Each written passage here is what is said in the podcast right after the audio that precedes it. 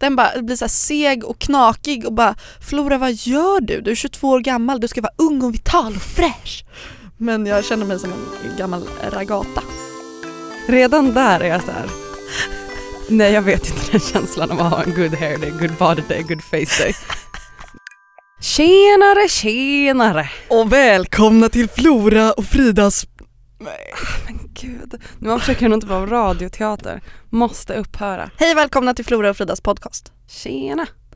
Vem är du? Jag heter Flora Wiström, jag är 22 år gammal, bor i Stockholm, har skrivit boken Stanna som kom ut nu på höstkanten och är en, en liten eh, internetperson. Det var det första gången någon under 65 sa på höstkanten. eh, Vem är du? Jag heter Frida Vega Salomonsson, fotograf, har blogg, har en tidning som heter Nuda Paper. Jada, jada, jada. OSV. Vad ska vi prata om idag Frida? Lite olika saker men jag är ju också väldigt nervös över att eh, Andreas kommer in i slutet. Ja det ska bli skitkul att prata med honom. Jag är väldigt eh, taggad på det här. Vi ska också, det var väldigt roligt för när vi var på Island för en helg sedan så sa Nim att jag har blivit mycket roligare sen jag träffade Andreas. ja just det. Mm. Och jag tror att det är för att han själv, alltså att Andreas är så himla mycket show typ. Alltså han håller liksom små föreställningar för mig hemma där jag är någon sorts ofrivillig publik. Med så sketcher och skämt och historier. Och det är att vi så båda hela tiden anstränger oss på något sätt i vårt historieberättande. Ja. Och det här är ju någonting som jag också har reagerat på att du har blivit väldigt mycket bättre på att berätta historier och typ så dra lines. Alltså Ja. det är som att du hela tiden slipas mot en, en kantig sten. Ja men det är ju så för att det är så himla mycket press för att om någonting har hänt mig under dagen så kan jag gå hela dagen och tänka på så, här, hur ska jag berätta det här på bästa sätt för Andreas? Hur ska jag lägga upp den här händelsen dramaturgiskt och när ska jag höja rösten, när ska jag lägga in konstpauser, när ska jag dra liknelser, paralleller öka tempo och sådär. För att annars om jag berättar en story för Andreas, även om det är så här, den är intressant för den handlar om någonting jag har gjort, om jag inte levererar den tillräckligt bra så blir han bara såhär boring, försök igen. Ta om det där. Alltså det är så himla hårt klimat och det tvingas en att så här, Så det är tipset för alla som vill bli roligare. Umgås med folk som är asroliga. Ja. Då blir man rolig. För att alltså det värsta jag vet det är folk som är riktigt jävla dåliga på att berätta en historia. Hårt. Jag tycker inte du att det är tråkigt då? Jo det är tråkigt men alltså alla människor har ju inte den berättartekniken. Nej men jag säger inte heller att jag är Guds gåva när det kommer till Du är historier. ganska bra på det. Men jag tänker bara att det är så himla, jag tycker det är jobbigt när folk bara speedar upp och ska komma till slutet. Man måste såhär, nu Ah. hörni, nu ska jag berätta Men det är ju för att folk har, tycker att det är läskigt att ta upp folks tid liksom. Ja jag vet. och, och ta plats. Men det är verkligen sant. En bra anekdot är liksom ingen idé att ens dra om man vill göra det snabbt. Då, då kan man lika gärna göra det långsamt och bra. Exakt. Egentligen så hade jag velat varit med i rummet när Andreas kommer in om en stund bara för att ställa honom till svars för, för en grej och fråga vad han menar om någonting han sa häromdagen. Vad då? Han bara, du vet, Gud, jag klarar inte av det, vem är jag ihop med? Alltså han är, alltså han är psykotisk ibland, så jävla narcissistisk, Okay.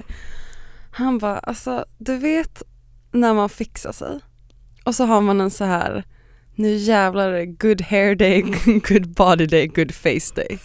Redan där är jag så här. nej jag vet inte den känslan av att ha en good hair day, good body day, good face day. Det är så här, har aldrig hänt. I alla fall, han bara du vet när man fixar sig, man känner sig lite snygg, man känner sig på gång, man är on point. och sen så går man ut på stan och när man går på gatan så känner man sig typ så snygg att man lite har svårt att gå för man tappar balansen. Alltså, Alltså han sa det här till mig som ett så här, han sa det med en så himla casual så självklarhet. Som att så här, hatar inte du också när bussen är sen? Och att han väntar att man ska bara, I know, så jävla men, alltså, jobbigt. men alltså kan vi försöka förstå vad det är som händer här? Varför tappar han balansen på att han tycker att han är så snygg? Men är det för att han känner att han har en sån egen gravitation? Han bara går runt där och blundar och njuter. Bara, mm, Känner att han är en mm, egen I'm so himla hot. kropp som allting bara rör sig runt. Det här är Jag antar att det är det här som händer när en kille lite testar att se sig själv utifrån för första gången i sitt liv. Och att han då blir så överväldigad av att så här, ta in hur han ser ut och hur andra kanske tittar på honom, att han så här, snubblar för att det blir för mycket för honom att Att processa. han så här, stannar till i varenda skyltfönster och bilfönster och bara woo! Alltså jag, jag förstår ju den känslan lite så här, om man precis varit hos frisören så kanske man sneglar på sig själv lite i något Ja, skyltfönster när man går förbi. Såklart. Men det är ju inte att man bara så här wow, wow, wow, wow, tippar långsamt, man bara good looks. Det är som att han blir så hög av sig själv att det är bara, världen börjar tappa sin fysiska form. Ja, att allting, Vad härligt det måste vara att vara Andreas. alltså det så, verkar så jävla härligt att vara Andreas. Det verkar verkligen det. Om ändå. När vi ändå är inne på det här med förhållanden. Mm. Det är ju ganska mycket snack om det nu för oss för vi är i förhållanden. Ibland så brukar jag stanna upp så här och så brukar jag tänka vad är det viktigaste i ett förhållande? Oh. Och så ibland så blir jag jätteklyschig. Brukar du verkligen stanna upp och tänka så här, vad är det viktigaste i ett förhållande? Alltså jag är en sån person. Alltså jag Ibland sitter jag mitt emot dig och jag har ingen aning om vem du är.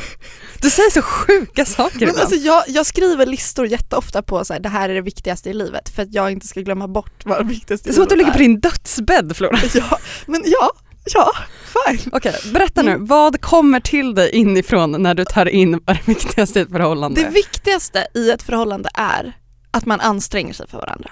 mm. Det är kärnan i ett förhållande.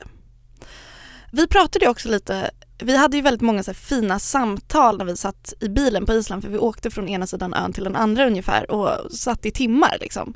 Och bara Eh. fem tjejer som bara tjöta. Ja, det var asfint och då kom vi in på det här med partners som har slutat lägga manken till. Mm. Eller som kanske aldrig har lagt manken till. Och nu pratar inte jag utifrån egna erfarenheter nödvändigtvis utan mer så i allmänhet, jag har sett det i mitt umgänge och hör människor prata om det. Att ponera till exempel att jag har en släktträff och min partner inte pallar följa med.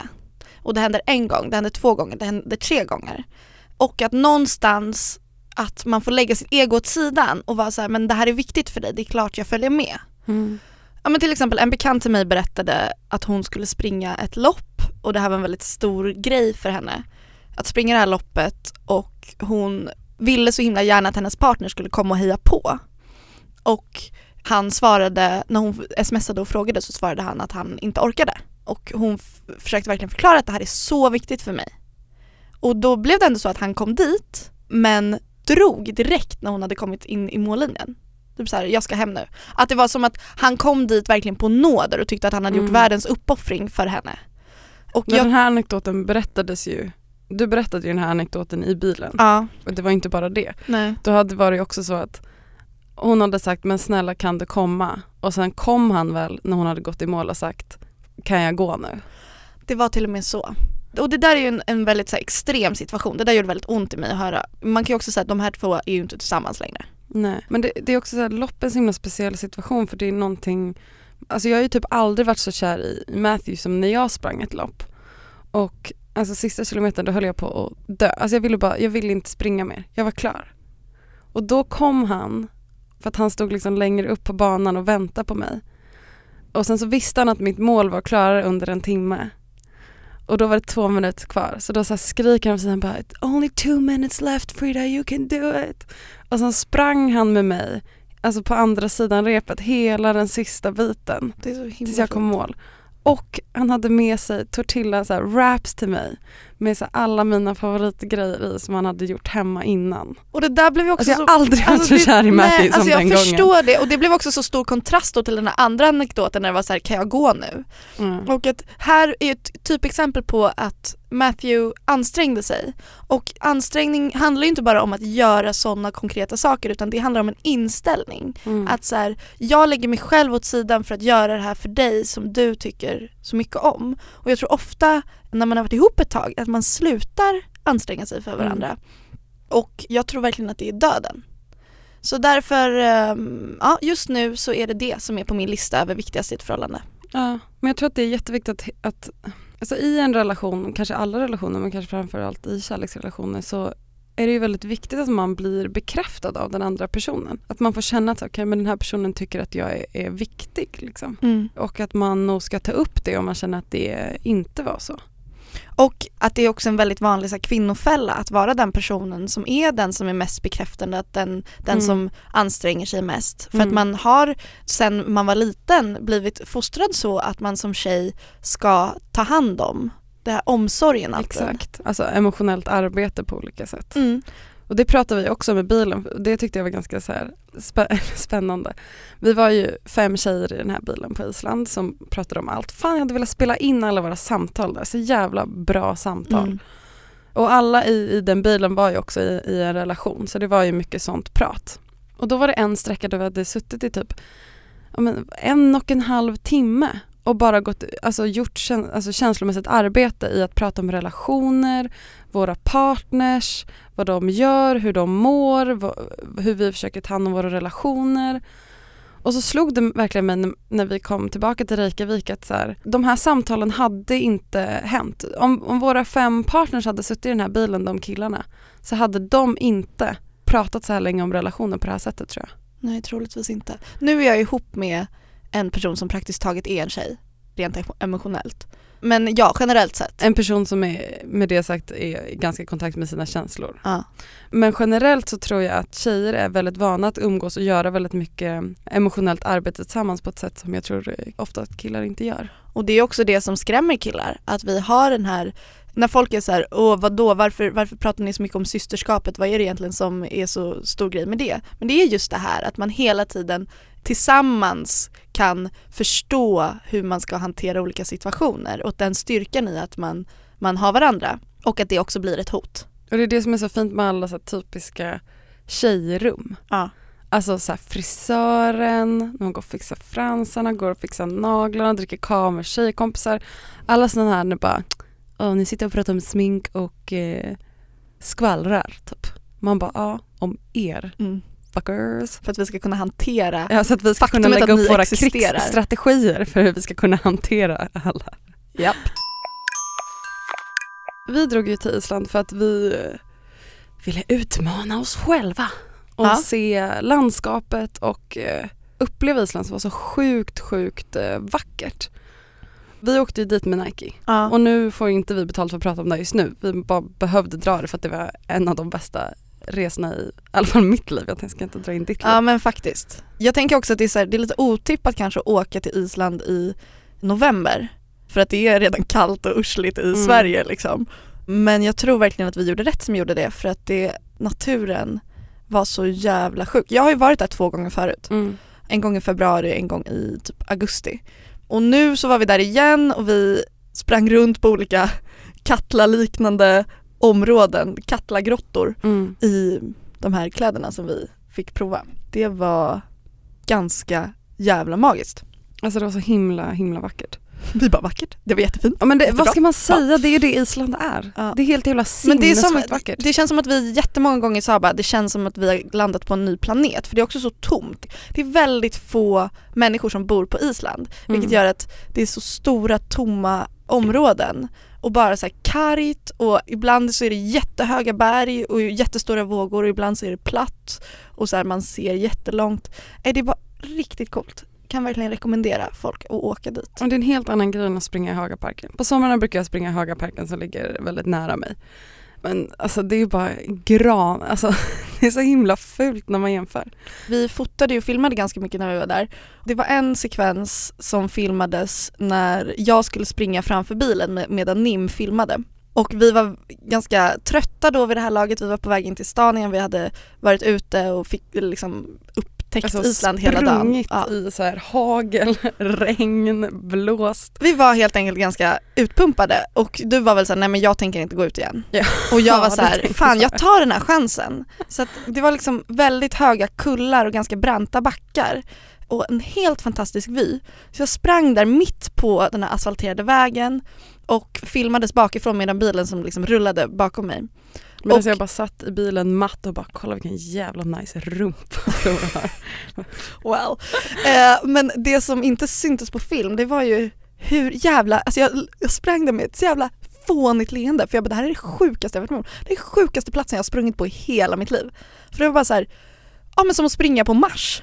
Alltså det var magiskt. Så jag, alltså, den stunden var typ mitt golden moment och det var väldigt otippat. Nu har vi sagt att Island var magiskt med lite olika variationer i teamet. Trollkonst. Ehm, Ja, alltså det här med träning. Båda vi tränar ju nu. ja, jag tränar till och från. Ja, jag skulle inte ja. heller säga att jag har världens mest aktiva schema just nu. Nej. Man kommer i perioder där det känns enklare och sen kommer man i perioder där det känns lite jobbigare. Det handlar egentligen mest om att bara skaffa sig en rutin och en vana. Ja. Det är bara sedan något år tillbaka som jag har förstått vad det kan innebära att träna. Bear with me, jag förstår att du känner att det kommer något jobbigt här nu men det är inte så jag menar det här. Men jag vill bara verkligen säga att under de perioderna där jag ordentligt fått in träningen i vardagen så har det betytt mer än, än någonting annat för mitt välmående. För att när kroppen får ta i och musklerna får arbeta och man svettas och hela systemet är igång så spolas ju stress och ångest ut. Sen säger jag inte att det, Det kan göra det. Alltså det är inte den universella lösningen. Alltså, alltså om man lider av grov ångest. Ja, då är men inte säkert att okej, man- så här. Jag säger inte att det är det som botar allt ont Nej, men, men det- stress och ångest, jag säger inte att det spolas ut helt men alltså det spolas ju ut. Ja vi som- talar också om personliga erfarenheter. Nej, alltså kemiskt i kroppen Okej, okej. så fine. släpper ju sådana, alltså så här, stresshormoner och sånt släpper ju när man tränar. Och man får endorfiner och Exakt. adrenalin och sånt. Och med det sagt så botar inte löpning cancer. Nej. Men det är en bra grund om livet känns tråkigt. Ja. Och jag har också haft mycket psykisk ohälsa. Jag säger inte att så här, allt som behövs är en promenad. Men ibland kan en promenad, om man lyckas ta sig ut på den, för det, att bara lyckas ta sig ut på en promenad Det är en bedrift. Ja. segern nog. Ja, nej, men jag eh, upptäckte också träning för kanske två år sedan. Jag har alltid dansat väldigt mycket och tyckt, jag har gått på så här, jazz och showdans och tyckt att det har varit jättekul och har så här, varit jättedålig verkligen på bollsporter. Mycket för att jag har inte har uppmuntrats till att överhuvudtaget träna upp min bollkontroll för att jag är tjej och tjejer generellt sett uppmuntras inte till det lika mycket. Det är mer typ så här, gå och lek med sjalarna medan killarna spelar innebandy, typ på idrotten. Men för mig är det också så sen jag började frilansa, vilket jag har gjort i typ tre år, så sitter jag still typ sex timmar om dagen och jag sitter också på knä på stolen medan jag jobbar eller ligger i sängen. Så efter ett tag så börjar min kropp alltså hata mig. Den bara blir så seg och knakig och bara Flora vad gör du? Du är 22 år gammal, du ska vara ung och vital och fräsch.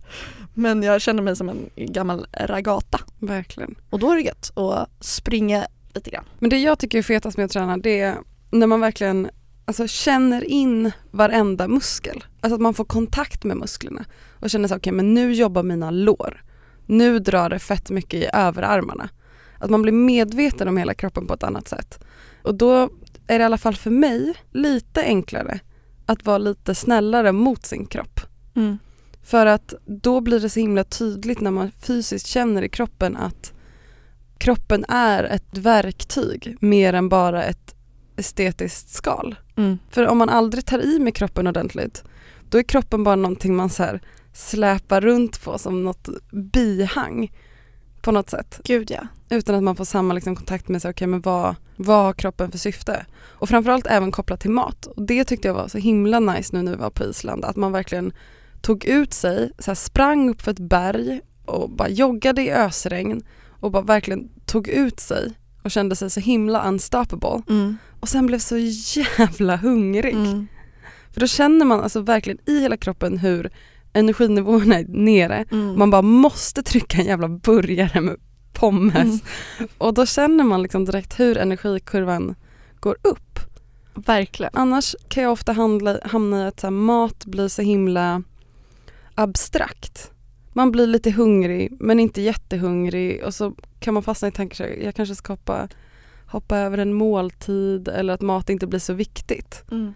Men när mat kopplas ihop till träning så blir det så himla tydligt att mat är energi. Ja, verkligen. Och en njutning, inte bara energi utan också en njutning för att allting smakar väldigt mycket godare när man har varit och tagit ut sig Alltså klippa. jag åt två burgare på Island som var 10 av 10. Det var väldigt bra. Det finns ett Instagramkonto som Britta Zackari har som heter i understreck hate understreck workouts som är träningskonto och hon har liksom gjort träning eller hon fokuserar på att göra det liksom roligt och prestigelöst och det handlar liksom inte om snabba resultat och dieter utan det handlar om att man kan göra några squats medan eh, pastan kokar eller att man kan eller att man ska och bör äta precis som vanligt men att man mår bättre genom att vara stark inuti. Och att det är okej att göra 20 situps när man egentligen hade tänkt att göra 30. Mm. Jag kan verkligen rekommendera det träningskontot för det är väldigt härligt. Det är en så här skön inställning till träning. Och min erfarenhet av träning har varit upp och ner. Jag har också kämpat med att, så här, att det har blivit destruktivt och jag har så här, varit väldigt målinriktad för några år sedan och det har varit ja, men kämpigt men att jag nu äntligen har hittat något som funkar och för mig handlar det jättemycket om att inte fokusera på resultatet utan att så här, ja det spelar ingen roll om jag springer fem kilometer eller om jag går en kilometer. Jag måste bara ut och röra på mig för jag måste låta min kropp liksom känna att den lever och existerar. Och jag tränar mycket tillsammans med min kompis Kajsa, vi ses vi försöker ses en gång i veckan och har gjort det i typ två års tid och då är det också en jättesoft vi hänger liksom. Vi står där och lyfter några jävla vikter och ibland så sitter vi bara på mattan och snackar istället. Men det är bara ett väldigt härligt sätt att umgås på. Plus att man sen kan stå i duschen och liksom tvåla in sig själva och snacka massa skit. Det är ashärligt. Tvålar in varandra. Det gör vi.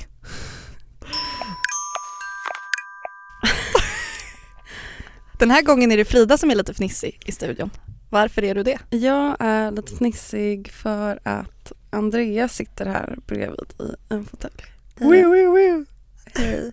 Hej. Och Frida, du vet reglerna. Ja, jag ska nu gå ut. Stick och brinn. Okej. Spänn fast säkerhetsbältet Andreas, för nu kör vi. Hej Andreas! Hej Flora. Hur är läget? Det är bra Ja, faktiskt. fint. Fint att ha dig här. Tack så mycket, väldigt kul att få vara här måste jag säga. Mm. Jag tänkte slänga ut frågan direkt. Vad sysslar du med i life? Jag jobbar med att eh, göra film Mm.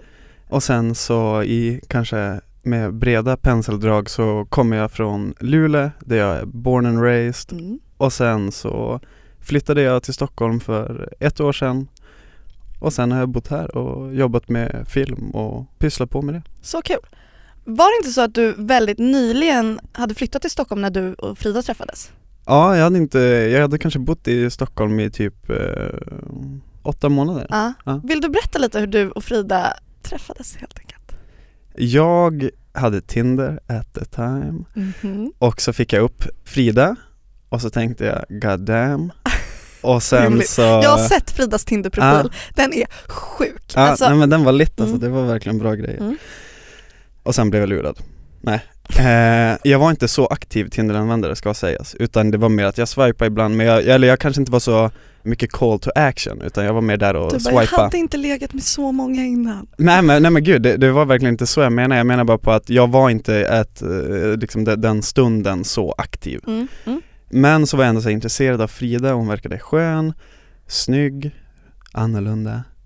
Så då, eh, då gick jag in och lyssnade på er podd. För Tinder Ah. visar ibland att man har gemensamma vänner. Just det. Så då hittade jag vad, vad Frida hette i efternamn och så hittade jag er podd och i det avsnittet så kommer jag inte ihåg vem det var som var med men det var en kille som var med och så snackade ni om lite typ om hur man dejtar och hur man hittar flings och i det avsnittet så snackade han så om att Ja men gud jag tycker det är så himla nice när man säger typ kanske har, har typ likat någon på Facebook och sen så går man ut och träffar den personen Ja. och jag bara satt och tänkte så här, men gud, så Stockholm är så himla litet för han för att för mig händer det inte att jag, jag går in och likar någon på Facebook och sen så träffar jag den på Hornshuset. Nej. Men just den här dagen så står jag och ska till en annan fest på kvällen och eh, så får jag ett samtal av min kollega Tim och så säger han Tja, det är en fest här borta, vill du komma på den? Jag måste bara flika in, folk som läser bloggar, Tim är alltså ihop med Lisa Olsson, Lisa Place. Precis. Så vet ni, det är den här surfkillen. Wow, big Wow. blogger. Woo! Men han har, han har en haircut nu så han är inte lika mycket surfer dude, Ja, jag fattar. men still very hot. Mm.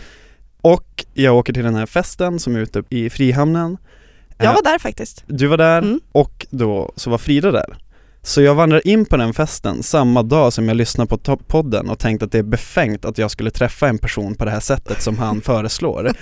Och när jag vandrar in på den eh, festen på innergården så är den första personen jag ser Nej. eh, Frida. Så sjukt. Och sen så gick hela kvällen och så blev det en efterfest på Lidingö och på den efterfesten så är kanske enda gången i mitt liv jag verkligen samlar, nej inte enda men väldigt få gånger som jag samlar mod och tänker så här, men nu ska jag ändå gå upp till den här tjejen. Mycket för att jag ville säga något om podden men också för att jag tyckte hon var nice. Så jag samlade mod och så stod Frida själv mot en vägg och så gick jag upp till hon och så sa jag en lång rant om, om exakt det här som jag berättar just nu och sen så var jag så nervös och då sa jag bara, ja men typ, det var typ det jag ville säga, hejdå Och så gick jag därifrån och sen eh, efter det så skrev hon till mig och Ja, på eh, Tinder. på Tinder, precis. Alltså sekunder efter. Och då så, så skrev jag och sen så, ja, Aha. drog vi ut på äventyr. Härligt. Det var härligt, det var en enormt härlig kväll. Hur länge har ni varit ihop nu? Vi har varit ihop i typ februari till nu. Lyssnar du fortfarande på podden?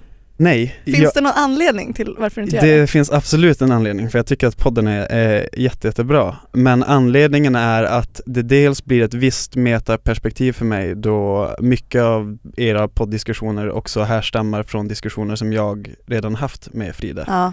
Så nu kommer jag in här och tar lite cred för er podd. Men lite så blir det. Och sen så kan det också bli lite konstigt ibland att höra om väldigt intima och eh, starka saker som kanske har gjort Frida ledsen eller väldigt glad Mm. och sen har jag inte riktigt uppfattat dem. Aha. Att de inte har riktigt läkt till mig utan att de läker i podden. Och det är jättebra om hon vill ventilera i podden. Ja. Och det är inte så att hon inte ventilerar med mig. Men en del grejer kanske blir så att de känns lättare i podden. Ja, jag fattar. Och då blir det lite så här, men gud varför har inte du riktigt sagt det här till mig? Men eller? ser du inte det lite som att du då har en möjlighet att få höra de sakerna? För min kille säger att det är lite som att tjuvlyssna på liksom ett privat samtal. Ja, ja, men precis, men det är ju den tjuvlyssningsaspekten och jag tror inte att jag, eh, det är ett lätt sätt kanske att försöka lösa det på men jag tror inte att det är the way. Nej, jag fattar. Rimligt. Det är bättre att man inte bara är ett cyberkid liksom. Fråga. Vad är det absolut störigaste med Frida? Det absolut störigaste med Frida är att hon eh, är en eh, stökig människa. Mm, hon är väldigt stökig. Alla ni som har sett de här väldigt städade bilderna på bloggen, det finns en baksida. Det fi- finns otroligt många baksidor, det finns så många baksidor som ni kan inte förstå. Men, eh, men vad hon än tar vid, vad hon än får, så växer det i storlek och eh, populerar sig och blir eh, till enorma högar av skräp.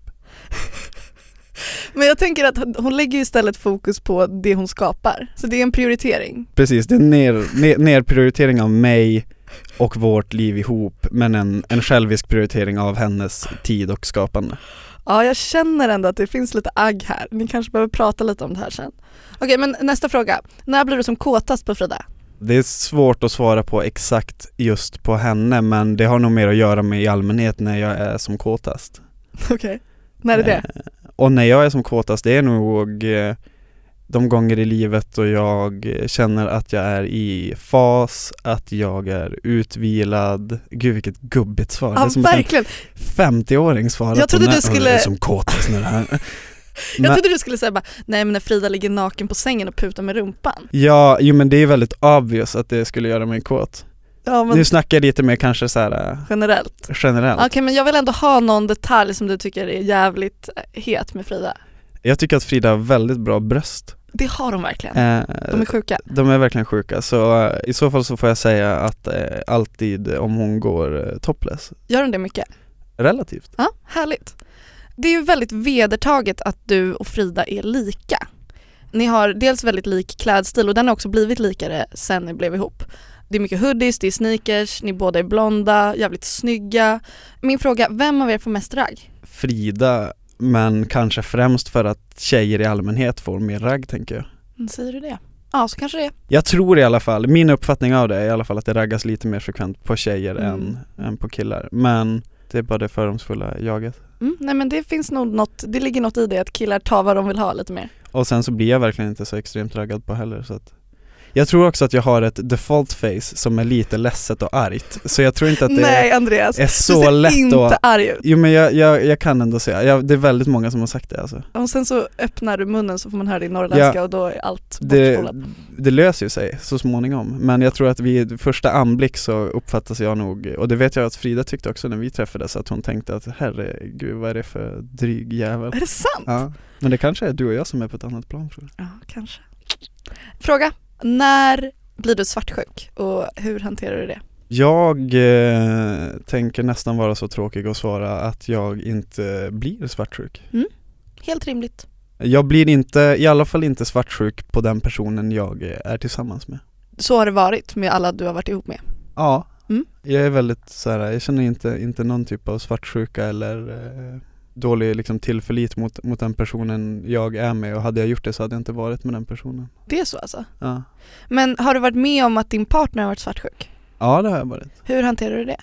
Gud jag vet inte, man får väl prata igenom det och så men, men eh, jag tycker inte om generellt sett att diskutera saker som jag kan, ibland kan tycka är lite löjliga och jag kan tycka att eh, svartsjuka bland partners är lite löjligt. Fast det är en väldigt stark känsla. Ja men den bottnar i något annat. Typ vad? Kanske att någon har varit otrogen tidigare, kanske att någon har ett förhållande långt innan det här där någon var otrogen och så. Ja. Och jag har aldrig varit eh, speciellt involverad i, i otrohet och, och den, hela den grejen. Ja, jag, jag tror inte att jag håller med om att det är en, att det är en löjlig känsla. Alltså det är absolut, eh, om, om folk vill vara svartsjuka och det kan Ja. säkert härstamma Alltså jag tror från inte man, ingen vill vara svartsjuk. Nej, ja, ja, ja säg, säg inte det. Det, det Ah. tror jag verkligen inte. Jag tror att det finns extremt många som ändå thrivar på sin svartsjuka. Okej, mm, vi går vidare. Jag eh, undrar eh, när du grät senast och varför du grät. Senast jag grät var för några veckor sedan när vi eller gud, det beror verkligen på också hur man mäter för jag, jag gråter rätt mycket. Okej. Men jag gråter ju, eh, jag har inga, inga som helst problem med att gråta men sen så gråter jag eh, kanske inte alltid då på grund av ledsamheter. Nej. Men sist jag grät och det ändå var starkt, det var när vi rappade en inspelning på Island. Då var vi där och filmade i, i fem dagar och slet som djur. Och då när vi liksom tog en rap-hugg och allt var klart och vi satte oss i Jag tror du bi- måste bilen. förklara för lyssnarna vad en rap-hug är. Eh, det är då när hela, hela crewet liksom samlas och så säger man så här, fan vad bra jobbat allihopa och Nu nu, är nu, klara." nu, är, det, nu är det verkligen över Mm. liksom. Och då när vi satte oss i bilen sen och stängde dörren så bara kände jag att nu, nu, eh, det var så himla mycket, himla, jag känner väldigt mycket press alltid så det var väldigt mycket press och anspänningar som, som liksom släppte. Gud, Eh, och så kände jag väldigt eh, starka känslor mot min vän och kollega Tim så då var det emotional moment. Så fint. Jag har förstått att du knappt äger saker. Vi har varit inne på det här att Frida är väldigt stökig och har väldigt mycket saker och du har typ två hyllplan i lägenheten eller något sånt där. Hur kommer det sig att du inte äger saker? Det är inte helt rätt. Det är snarare så här att jag äger en del saker som är, jag äger rätt mycket kameraprylar Ja. till exempel. Och eh, ja, en del kläder men det, det är inte så mycket, speciellt inte jämfört med Miss Vega. Men jag äger väldigt få saker som jag tänker är liksom lite typ så här materiella ting i vardagen. Och det är främst för att jag inte vill äga saker. Jag vill inte ha jag mår, jag mår dåligt om någon ger mig en, en present och så är det typ en plastöskalle från Teknikmagasinet. Alltså, men jag, alltså, jag, jag må dåligt av det. Ja, ja men alltså, men jag, förstår, jag vet Ja. inte exakt vilket exempel jag ska säga Nej, men men, något- men, ja, men, men ni men- förstår, någon typ av generisk plastpryl som bara ligger i hemmet liksom det, det skapar verkligen stor, stor eh, ångest i mig Ja. och, eh, och, Men och är det här någonting som du så här, skulle du säga att du så här, har ett minimalistiskt leverne? Jag skulle säga att jag har inte ett aktivt minimalistiskt levande men det börjar bli så starkt i mig att jag eh, tror att det kommer få liksom det kommer slå ringar på vattnet Ja. åren framöver. Så det kommer bli hårt för era eventuella blonda små barn att de kommer inte få ha några leksaker. Jag har ingenting som helst emot att barn ska få ha leksaker. Men vi Vi vet ju, får fixa ett rum till dem, där de ja precis för är. de kan ju inte leka i de allmänna utrymmena för det kommer ju bara vara hård betong och Mm. vassa kanter Men, och, men det, och så om, han, man, om man känner Frida rätt. Ja, och det handlar inte så mycket heller om att jag inte klarar av, för att för bevisligen så gör jag det för att Frida älskar prylar Mm. och har dem överallt, exakt varenda yta man kan ha dem på. Och det handlar inte så mycket om, om att det är prylar överallt. Det handlar snarare om att jag inte vill äga de prylarna. Vi har kommit fram till den sista frågan och den är ganska stor för den är, lyder så här. Har du något göttigt motto som du ändå går efter i livet? Jag är nog lite utav en mottoperson måste jag ändå säga. Älskar mottopersoner. Gud vad det känns viktigt att separera skillnaden mellan personer som har wall quotes och en mottoperson. Men det finns ändå en skillnad, visst förstår vi alla den? Vi förstår det. Ja. För jag har inte ett enda wall quote. Kommer aldrig att ha heller. Men jag har, eh, det motto jag känner att jag lever mest i just nu och som jag kanske känner stämmer bäst på den period jag är i i mitt liv är eh, Gud ger och Gud tar. I allmänhet så gillar jag nog rätt krassa uttryck och eh, det känns bara som att om man hittar lite frid i att Gud ger och Gud tar så kan man ha en rätt avslappnad eh, syn till motgångar och medgångar. Och man ska aldrig, man ska aldrig liksom, även när Gud ger så ska man inte glömma att han tar och när Gud inte ger så vice versa. För det är alltid så. Och med de orden avslutar vi Andreas besök i podden. Vi har inte hunnit få några fler hashtags eftersom det här avsnittet spelas in lite tidigare än vanligt. För att jag är i Barcelona. Jag hörde inte det där. Så jävla avundsjuk, förlåt. Hasta la vista baby! Vi blir jätteglada om du orkar gå in och lämna en recension. På iTunes. Ja, då går man in på podcasterappen till exempel och så klickar man på sök och skriver man Flora Frida, hittar podden och sen klickar på recensioner, lämna recension. Och om du ändå är inne och gör sådana fina saker så får du jättegärna rösta på oss i Svenska podcastpriset. Vi länkar den eh, länken. På våra bloggar när det här avsnittet kommer ut. Och hashtagga jättegärna Florafrida. Tack Lovisa Olsson som producerar den här podden. Puss och kram!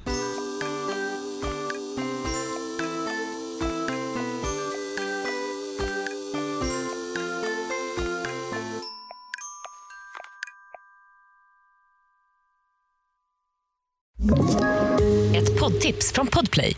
I podden Något Kaiko garanterar östgötarna Brutti och jag, Davva, dig en stor dos skratt. Där följer jag pladask för köttätandet igen. Man är lite som en jävla vampyr. Man har fått lite blodsmak och då måste man ha mer. Udda spaningar, fängslande anekdoter och en och annan arg rant. Jag måste ha mitt kaffe på morgonen för annars är jag ingen trevlig människa. Då är du ingen trevlig människa, punkt. Något Kaiko, hör du på Podplay. Därför är gardinerna.